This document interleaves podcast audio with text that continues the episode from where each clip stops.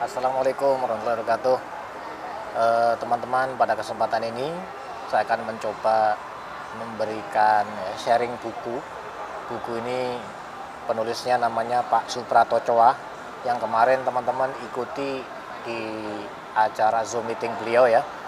Nah buku ini berjudul Road to Freedom ya, Yaitu sebuah keterampilan dasar bisnis jaringan ya. Nah ini dia salah satu babnya ya di sini eh, babnya yaitu mengatasi penolakan. Ya, di sini dikatakan bahwa penolakan adalah bagian dari bisnis jaringan yang tidak bisa dihindari.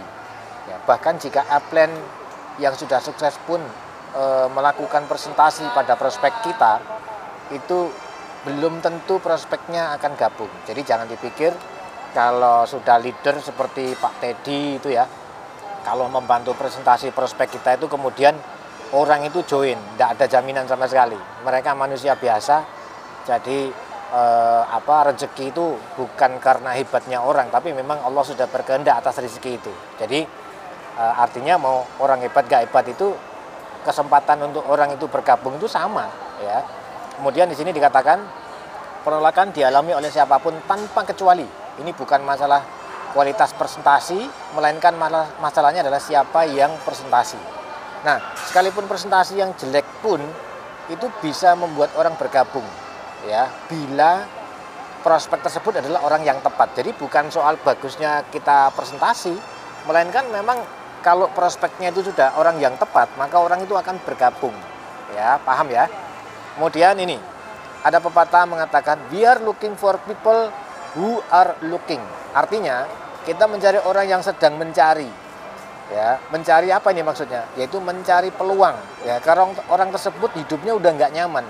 Jadi kalau anda memprospek orang yang dia itu dalam kondisi hidupnya nyaman ya udah nggak butuh lah dalam pengertian nggak punya motivasi tidak ada apa keterdesakan untuk e, berubah maka mau anda tawarkan uang satu triliun pun dia nggak tertarik. Karena memang dia sudah nyaman ya udah ngapain ngapain e, ngotot sama mereka.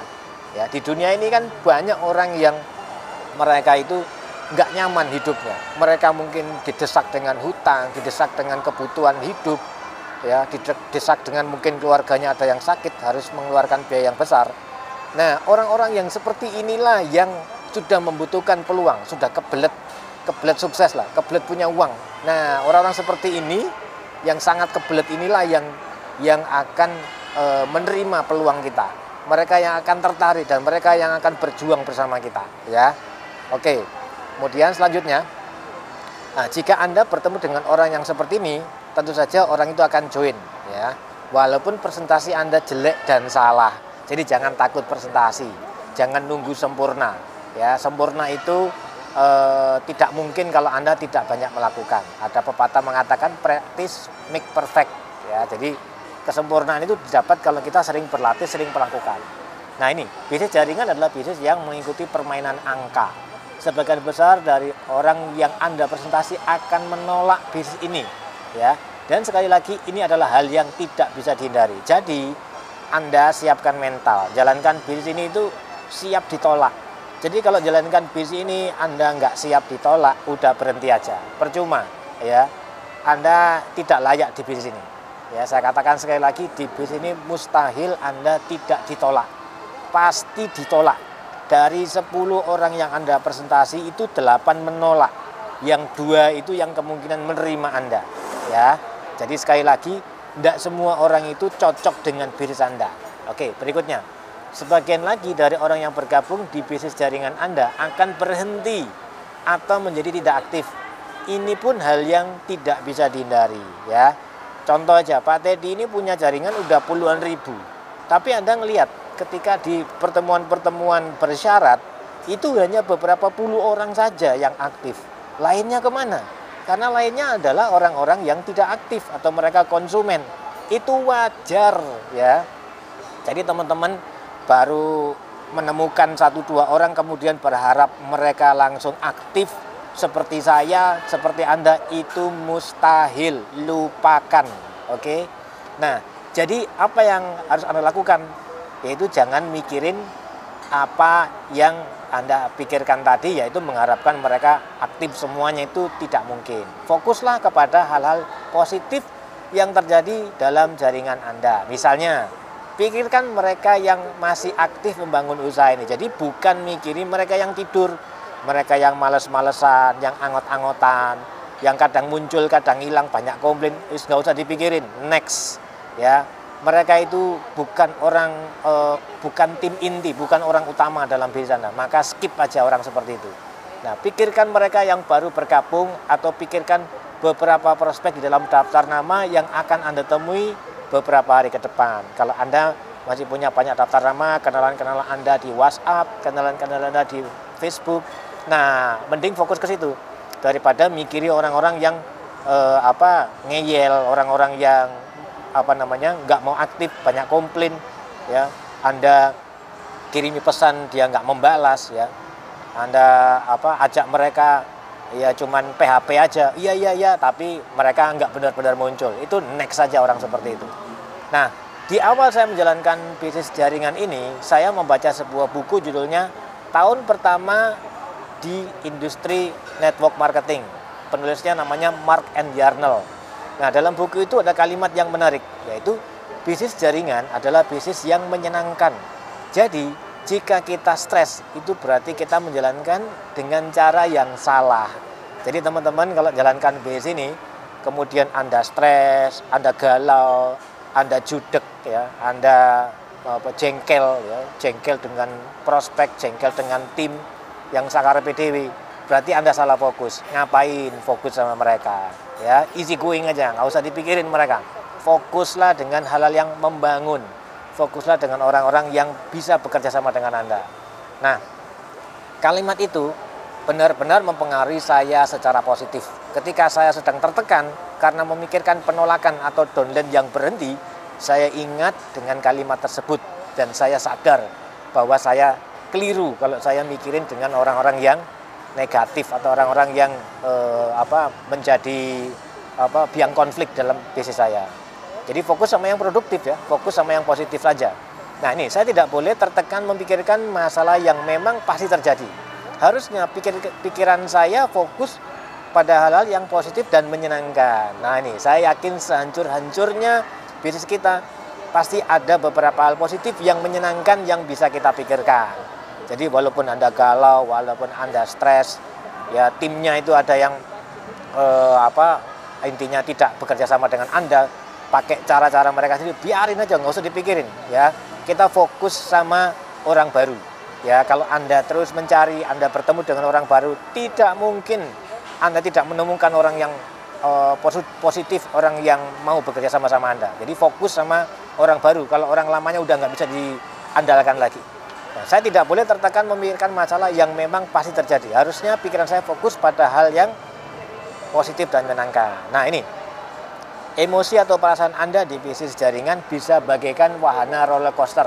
Makanya kita di sini harus siap mental. Naik dan turun eh, itu adalah hal yang biasa. Kadang orang bersemangat, kadang loyo, kadang down ya. Ketika orang yang Anda presentasi bergabung dan aktif, Anda pasti semangat ya beberapa hari atau minggu kemudian orang itu menjadi tidak aktif maka kita down lagi. Itu biasa ya. Sekali lagi itu tidak ada yang aneh ya. Anda harus siapkan mental. Sudah biasa perasaan naik turun mental kita di bisnis jaringan ya seperti roller coaster tadi. Kunci untuk mengatasi perasaan down dan stres adalah selalu berjuang mencari hal-hal yang positif. Nah kemudian ini berikutnya mengelola harapan. Harapan adalah sumber motivasi untuk tetap hidup Nah, saya ingat sebuah cerita tentang seorang ibu yang dia tidak punya bahan makanan, kemudian anaknya nangis untuk e, minta makan. Sementara ibunya itu merebus ya batu. Mungkin pernah dengar riwayatnya hadisnya ya. Seorang ibu yang mer, apa, merebus batu ketika anaknya bertanya, "Ibu, saya lapar." Ibunya cuma bilang, "Sebentar, Nak. Bentar lagi masakannya segera matang." Maka anaknya sambil tidur. Nah, ini yang dikatakan adalah harapan. Si anak tadi itu dia bisa tahan lapar karena dia berharap ada ada harapan dia untuk mendapatkan makanan. Inilah yang membuat kita tetap bertahan. Karena masih masih punya harapan. Masih punya harapan eh, akan ada orang yang akan bergabung dengan Anda, akan bertemu dengan orang yang aktif dan mereka akan menjadi uh, tim leader Anda ya. Nah, ini di di dalam bisnis jaringan ini Anda harus mengelola harapan tadi ya. Tentu saja kita e, mempunyai pengharapan yang positif saat melakukan presentasi. Siapa tahu orang itu akan gabung. Nah, harapan positif ini yang harus tetap kita pertahankan ya. Tapi waspadai satu jenis penolakan yang namanya PHP. Nah, ini teman-teman. Pengharapan palsu ya.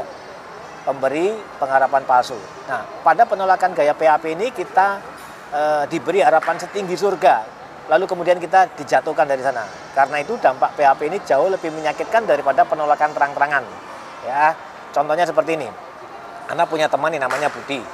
Ya, Budi adalah distributor baru yang mulai aktif dan melakukan presentasi yang pertama.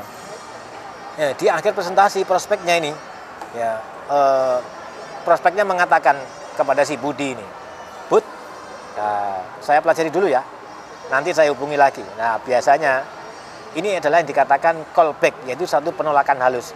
Belum tentu orang yang mengatakan nanti saya akan hubungi Anda, orang itu benar-benar tertarik, belum tentu. Bisa jadi orang itu e, sengaja karena mungkin sungkan nolak Anda terang-terangan, dia dengan penolakan halus. Nah ini Anda harus peka, ya.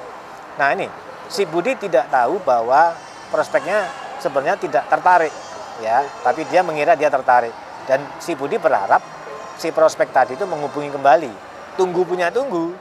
Nah, ceritanya adalah ternyata setelah w, di WA si prospeknya Budi tadi itu nggak dijawab, teleponnya nggak diangkat. Nah ini yang dikatakan kena PHP ya. Saya Pak Teddy itu bukan berarti saya sudah punya jam terbang ribuan itu nggak pernah kena PHP, sering bahkan sama downline sendiri juga di PHP itu sering ya. Mungkin juga teman-teman juga merasakan hal yang sama itu biasa itu ya. Nah, beberapa hari kemudian Budi melakukan presentasi lagi sambil mengundang prospek ke pertemuan terdekat. Nah, selesai presentasi, prospek kelihatan tertarik lalu mengatakan, "Bud, saya cukup tertarik dengan bisnisnya. Besok saya mau hadir di pertemuan sekalian mengajak istri saya. Nah, besok sekalian pilih produk untuk bergabung ya." Nah, tentu saja hati Budi kan berbunga-bunga ya. Gimana kalau Anda mendengarkan prospek Anda mengatakan seperti itu, dia besok mau datang ke pertemuan sambil ngajak istrinya, sambil mau milih produknya yang mana. Wah itu kan Anda pasti berbunga-bunga kan. Tapi faktanya ini, dia eh, pada satu kesempatan tersebut, tiba-tiba si prospek itu yang tadi sudah janjian di pertemuan, dia telepon. Dan dia mengatakan, Bud, sorry, aku nggak jadi ke pertemuan. Tiba-tiba ada urusan mendadak. Nah, bisa bayangkan kira-kira Anda sudah di pertemuan duduk ya menunggu mengontak bud, apa prospek tadi itu ternyata Anda tidak apa namanya mendapatkan balasan SMS atau WA dia nggak bisa hadir. Rasanya kan kayak kecewa banget gitu ya. Kayak muka itu dilipat-lipat rasanya ya. Itu wajar teman-teman. Biasa itu ya. Jadi anda juga harus siapkan mental seperti ini Nah ini sebenarnya penolakan karena PHP hanyalah salah satu penolakan. Penolakan biasa aja seperti itu. Intinya prospek belum siap bergabung saat ini. Titik. Yang berat adalah kita sudah terlanjur memberikan harapan. Itu salahnya kita. Makanya jangan terlalu menjatuhkan harapan kepada seseorang. Sebelum sampai dia benar-benar transfer, dia benar-benar transaksi, itu jangan terlalu berharap besar. ya Anda akan kecewa. Nah, bagaimana cara menghadapinya? Berpikirlah jumlah atau statistik dan jangan menganalisa dengan perasaan. Anggap saja prospek tersebut belum siap gabung. Bukan uh, salah Anda atau salah bisnisnya, tapi memang uh, harus ada cukup banyak orang yang menolak. Ya, di bisnis ini itu bisnis statistik, jadi harus perlu banyak orang penolakan baru Anda akan ketemu orang yang serius, ya. Entah cara PHP atau bukan, katakan next orang berikutnya, presentasi lagi dan move on. Jadi kalau ada orang yang kayak gitu ya udah next saja. Anda harus move on, jangan di situ ya. Ganti orang baru, ngapain dipikirin? Ya kan? Nah, ini pengalaman lain. Waktu itu saya sangat bersemangat ketika ada seorang teman yang tinggal di luar kota. Nah, ini ada teman ini di luar kota. Misalkan kita di kota Surabaya. Kemudian kita punya teman di kota Semarang atau di kota Jogja misalnya. Kita telepon-teleponan, kita WA-WAan, kita sempat mungkin video call dan tertarik teman kita. Kemudian dia bahkan membuat e, janji sama kita mau membuat pertemuan di rumah dia.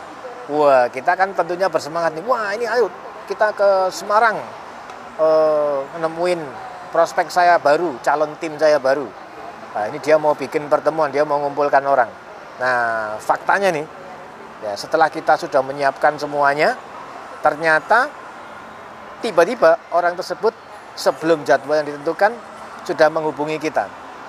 Mereka mengatakan e, bahwa mereka belum bisa aktif. Ya mereka membatalkan janji presentasi. Coba bayangkan teman-teman. Kita misalkan udah terlanjur beli tiket kita udah mungkin bahkan kita sudah berangkat ya kan? Apalah nggak lebih kecewa lagi. Jadi lebih baik orang itu kalau memang nggak aktif itu mengatakan dari awal ya supaya kita itu tidak sakit gitu ya makanya jangan terlalu berharap dulu kalau ada berita baik seperti itu kalau saya nggak terlalu senang, biasa aja ya. Bukan bukan berarti tidak senang, itu harapan baru, tapi saya nggak terlalu bergantung kepada mereka. Nah, nah ini kemudian eh, eh, berikutnya ini ada ada kalimat yang eh, tertulis dalam pesan di buku ini adalah bahwa semakin cepat orang itu tidak serius mengundurkan diri, semakin cepat pula kita mengetahui dengan siapa kita seharusnya tidak perlu membuang waktu. Jadi kalau sekarang kita ini punya uh, prospek atau punya tim yang kelihatannya iya, gimana? Oke. Ditanyain gimana? Siap. Gimana? Ayo. Oh, semangat, tapi nggak pernah aktif. Nah, terus kemudian uh, apa semakin orang itu menunda-nunda mereka bergerak, kita kan tentunya berharap sama mereka supaya mereka ini harapan kita kan aktif bersama kita. Nah ini kalau pada ujungnya sebetulnya mereka ini nggak serius, Nah, itu kan menyakitkan kita.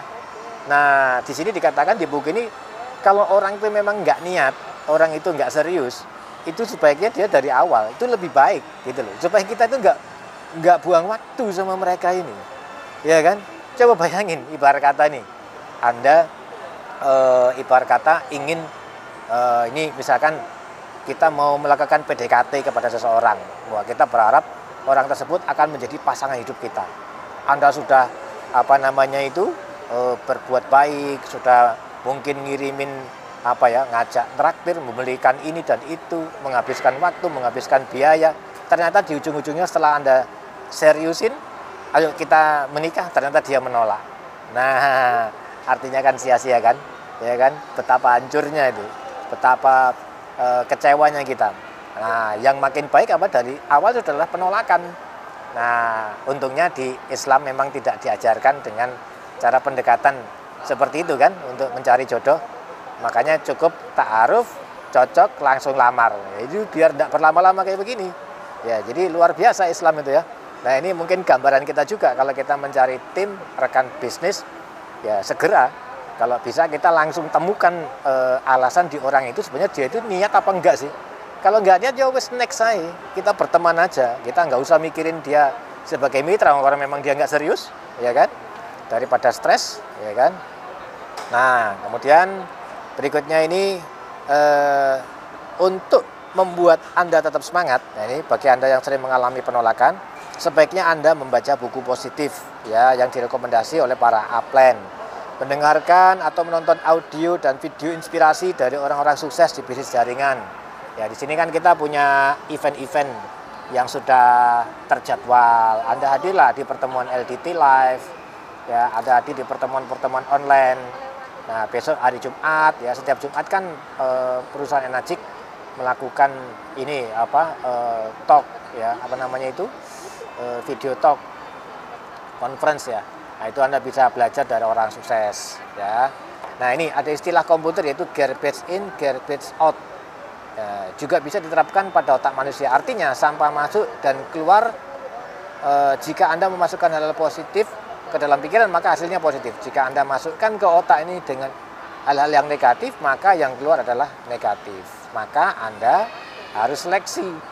Ya, kalau ada hal yang negatif kira-kira ini akan mengganggu otak kita menjadi sampah di pikiran kita, maka next buang, jangan dipikirin, ya. Nah, menjauhlah sama hal-hal yang negatif, sama teman-teman yang negatif, yang menghancurkan masa depan Anda, yang menjatuhkan impian-impian Anda, yang mengatakan Anda ini nggak mungkin sukses, yang mengatakan ini kan susah, kamu nggak ada bakat, kamu nggak pinter, kamu nggak ini dan itu, itu pinggirin. Nah, orang-orang seperti ini adalah pencuri impian, ya. Ya cari teman yang membuat anda berhasil, bukan yang yang me, apa ya menjatuhkan atau membuat anda mentalnya down, ya. Itu seperti itu teman-teman. Nah, supaya tetap antusias, Anda harus selektif untuk memilih hal apa yang diizinkan masuk ke dalam pikiran. Untuk menetralisir satu informasi negatif yang masuk ke pikiran, itu dibutuhkan tujuh informasi positif. Ya, oke.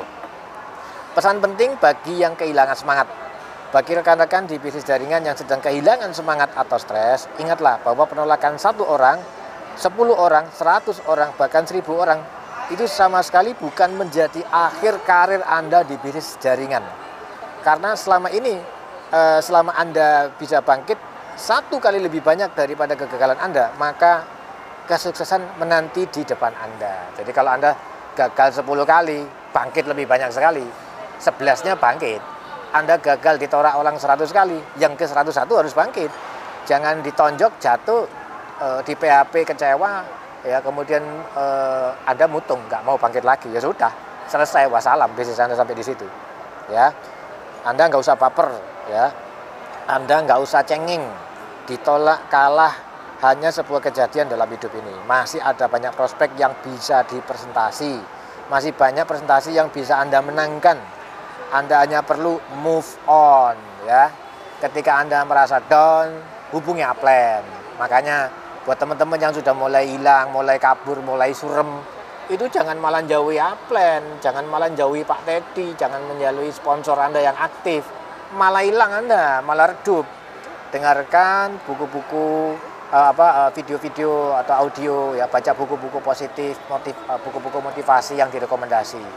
Yang terpenting adalah tindakan positif dan sikap pantang menyerah. Nah, kuncinya adalah bangkit satu kali lebih banyak daripada kita jatuhnya.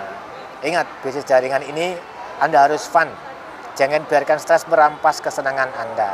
Nah, ini di dalam bukunya uh, David J. Schwartz, Berpikir dan Berjiwa Besar, dikatakan di situ bahwa tindakan mengalahkan rasa takut. Bertindaklah akan menghilangkan stres Anda. Jadi jangan menunggu semangat baru bertindak. Justru bertindaklah supaya Anda akan kembali bersemangat. Jika Anda berdiam diri, maka Anda akan semakin down.